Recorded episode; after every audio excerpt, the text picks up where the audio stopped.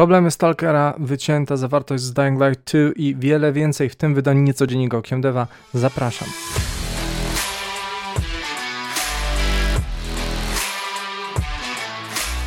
Witam serdecznie, nazywam się Grzegorz Wątroba, a to mój kanał Okiem Deva w dzisiejszym niecodzienniku, czyli nieregularnym podsumowaniu wiadomości ze świata gier. Mamy sporo ciekawych informacji, więc zaczynamy po pierwsze sądowy permaban. Bungie nie patyczkuje się z cheaterami, pomijając jedną z rozprawę z przed kilku lat. Twórcy Destiny wygrali z firmami produkującymi aimboty i haki w czterech rozprawach łączną sumę ponad 48 milionów dolarów. Kolejny wygrany proces poza reparacjami w wysokości pół miliona ma kilka innych reperkusji. E, Luca Lione za stworzenie modyfikacji w grze naruszającej prawa autorskie oraz podejmowanie działań w celu omijania banowania na serwerach otrzymuje dość nietypową karę. Sąd zakazał oskarżonemu kupować, pobierać, grać, streamować i wchodzić w jakąkolwiek interakcję z grami firmy Bungie, w tym tworzyć lub nakłaniać do tworzenia oprogramowania modyfikującego grę. Dodatkowo Luka musi usunąć wszelkie materiały oraz konta społecznościowe, które promowały e, narzędzia będące przedmiotem przestępstwa. Ponadto Lione nękał pracownika firmy, podążał za nim, dzwonił z pogróżkami na prywatny numer e, i tym pracownikiem był community manager e, Dylan Gaffner. Stąd też ma on zakaz zbliżania się na odległość około 300 metrów albo 1000 stóp, do jakiejkolwiek siedziby firmy Bungie, pracownika firmy oraz adresu pracownika firmy, by zapobiec takim działaniom w przyszłości. Trzeba przyznać, że kara jest dość sroga, ale zestaw działań, w szczególności nękanie pracownika, też nie należy do najlżejszych przewinień. Mam nadzieję, że to skutecznie odstraszy stalkerów i oszustów w sieci i nie tylko. Tak więc idziemy dalej. E, mody w Starfield w przyszłym roku. Todd Howard zapowiedział oficjalnie wsparcie modów dla Starfield w 2024. Gracze otrzymają wtedy Creation Kit, a stworzone tam mody będą kompatybilne zarówno z PC, jak i Xboxem. Nie przeszkadza to jednak graczom tworzyć bardzo rozbudowanych i funkcjonalnych modyfikacji już teraz. Uruchomienie DLSS-a, odblokowanie achievementów w modowanej grze, balans przeciwników, poprawki w UI czy poprawiona grafika to zaledwie kilka z nich.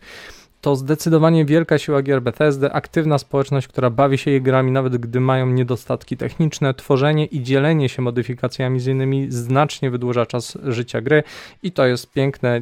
Nawet jeżeli ta gra ma jakieś tam niedociągnięcia, to jednak ludzie świetnie się przy niej bawią i się angażują i to chyba jest jedna z tych fajniejszych rzeczy, jaką można w game devie zobaczyć. E, następnie Breath of the Wild na nowym Switchu. Kolejne doniesienia potwierdzają, że następca Switcha został zaprezentowany na Gamescom. E, teraz ujawniono, że jednym z dem technologicznych było The Legend of Zelda Breath of the Wild, wykorzystująca moc obliczeniową nowego sprzętu oraz demo Matrix Awakens znane z Unreal Engine 5, które działało tak dobrze jak na konsolach aktualnej generacji, oczywiście wykorzystując wszelkie nowe sztuczki typu DLSS 3 i Ray Tracing. Nominalna moc obliczeniowa ma ponoć oscylować w przedziale pomiędzy PS4 a PS4 Pro, ale nie ujawniono jeszcze szczegółów w kwestii samych parametrów sprzętu. Ma to być nowy chip od Nvidia, wspierający wszelkie nowe technologie, co daje nadzieję, że tym razem nowa konsola Nintendo nie będzie przestarzała w momencie premiery, jak miało to miejsce w przypadku Switcha. E, śmiało piszcie, pytajcie, czy też nie zgadzajcie się ze mną w komentarzach. Na wszelkie pytania postaram się odpowiedzieć na bieżąco bądź najpóźniej w czasie następnego live'a, a więc zapraszam y, i będzie on 19 września o 18 we wtorek. Tak więc szykujcie swoje pytania, y, piszcie je śmiało też pod filmikami, jeżeli chcecie, a jak nie, no to zapraszam na live'a i wtedy będziemy sobie czytać razem. Następnie kolejne szlify Baldur's Gate 3. Sven Winke w ostatnim wywiadzie wspomniał, że wraz z premierą PS5, jak i nadchodzącą premierą Xbox Series X twórcy optymalizują grę z korzyścią dla wszystkich platform i powoli skupiają się na najmniej zoptymalizowanym elemencie gry, czyli ostatnim akcie. Najwięcej zgłoszeń i uwag od graczy tyczy się właśnie tego etapu gry, czego twórcy są świadomi i dokładają wszelkich starań, by usprawnić tytuł. Cytując Winkę e, mówiącym o swoim zespole, myślę, że będą w stanie zaskoczyć wszystkich, są bardzo zmotywowani. E, pozostaje tylko czekać i cieszyć się tą niesamowicie rozbudowaną grą. Dajcie znać, jak wasz progres w grze, bo jest tragiczny. Sensie pograłem chwilę i na razie nie mam czasu rozwinąć tą historię, a jeszcze chcę zagrać z dziewczyną w multi, to już w ogóle będziemy to grać dwa lata. E, I jeżeli macie Xboxa, czy planujecie kupić nowego Baldura? E, następnie kolejny Mass Effect będzie inny. W czasie ostatniego podcastu The Xbox 2 e, Jess Corden, który ma wiele kontaktów e, w studiach deweloperskich, ujawnił, że nowa odsłona Mass Effect prawdopodobnie odrzuci koncepcję otwartego świata znanego z Andromedy, e, idąc w stronę bardziej liniowej i zwięzłej przygody, jak to miało w, miejsce w oryginalnej trylogii gry, powiedzmy. I've heard the Mass Effect is ditching open world okay. going back to its classic format. Z jednej strony to tylko plotki, z drugiej coraz wyraźniej zarysowuje się trend w branży, iż gry, które bardzo się rozrosły i stały się zarzewiem wtórnych zadań, zaczęły e, sprzedawać się coraz gorzej. No i wystarczy zobaczyć tutaj kolejne słupki sprzedażowe Assassin's Creed czy Far Cry, gdzie im bardziej te rosłe gry, to niekoniecznie sprzedaż e, się dobrze utrzymywała i tym samym wiele studiów zaczyna dążyć do mniejszych, ale bardziej intensywnych doświadczeń, co wydaje się jak najbardziej zasadne. Kiedy możemy się spodziewać nowego Mass Effecta? Nie wiadomo. E, póki co większość studia pracuje nad Dragon Age Dreadwolf, a e, produkcja ta jest bardzo burzliwa w swoim toku. Wciąż chyba na razie nie brakuje nam nowych gier, prawda? E, I idąc dalej, droga przez mękę Stalkera 2. E, I tutaj mamy kolejne problemy w produkcji drugiego Stalkera. E, też gra, która wydaje mi się u nas jest bardzo popularna. Przynajmniej no, ja bardzo miło wspominam pierwszą część i na parterze biura dewelopera e, GSC World w Pradze wybuchł pożar powodując straty na kwotę 70 tysięcy dolarów. Żadnemu pracownikowi nie stała się krzywda. Twórcy już żartują, że żadna anomalia ani palnik nie powstrzyma nas przed osiągnięciem celu. Bywało gorzej jest w porządku. Tutaj oczywiście twórcy odnoszą się do wojny w Ukrainie, skąd większość zespołu przeniosła się właśnie do Pragi. Część ekipy nadal stacjonuje jako wojskowi w działaniach wojennych na terenie swojego kraju, a e, ostatnie zdanie, czyli This is fine, jest oczywiście odniesieniem do jednego z najpopularniejszych memów w naszej branży obrazującej częsty stan projektów w game devie, ale to raczej kojarzycie. E, tytuł został przesunięty na pierwszy kwartał 2024 i mocno sam go wyczekuję e, i trzymam kciuki za twórców. Dajcie znać, czy też będziecie grali. Jeżeli chcecie wesprzeć moją działalność, zapraszam Was e, do postawienia mi kawy przez serwis Buy Coffee 2. E, link znajdziecie w górze opisu. Dziękuję wszystkim, którzy e, teraz już mnie wsparli, a ostatnio byli to Natalia Korczak, Sebastian Sadowy, Łukasz Kleinberg i Janek Mozgawa. Bardzo Wam dziękuję za wpłaty. Następnie pokój nie ma ceny. Jest to rzadki przypadek w branży, by gra została usunięta ze Steama na prośbę autora, niemniej jednak i tak się zdarza. 4,5 miesiąca po premierze gra Only Up została niespodziewanie wycofana ze Steama. Twórca gry znany jako Indie Solo Dev podał e, jako powód stres, jaki gra na nim wywierała przez ostatnie miesiące. Po wprowadzeniu ostatniej aktualizacji deweloper postanowił zakończyć współpracę e, pracę nad Only Up i skupić się na regeneracji psychicznej. Jak zauważył portal PC Games N, e, gra została wcześniej tymczasowo wycofana latem z powodu zarzutów naruszenia praw autorskich związanych z elementami w grze. Ponadto były oskarżenia o dyskretne promowanie NFT w niektórych poziomach gry. Indie Solo Dev zapowiedział kontynuację pracy w branży gier pracując nad nowym projektem o nazwie Keith. W przeciwieństwie do OnlyUp gra ma być stworzona przez mały zespół i skupiać się na bardziej kinowym doświadczeniu i realizmie. E, projekt zostanie podjęty po dalszym kształceniu Inti Solodewa w dziedzinie projektowania gier. Osoby, które zakupiły OnlyUp przed jej wycofaniem wciąż mają dostęp e, do niej przez bibliotekę Steam tak się też zdarza, że no, gry wypalają ostatnio.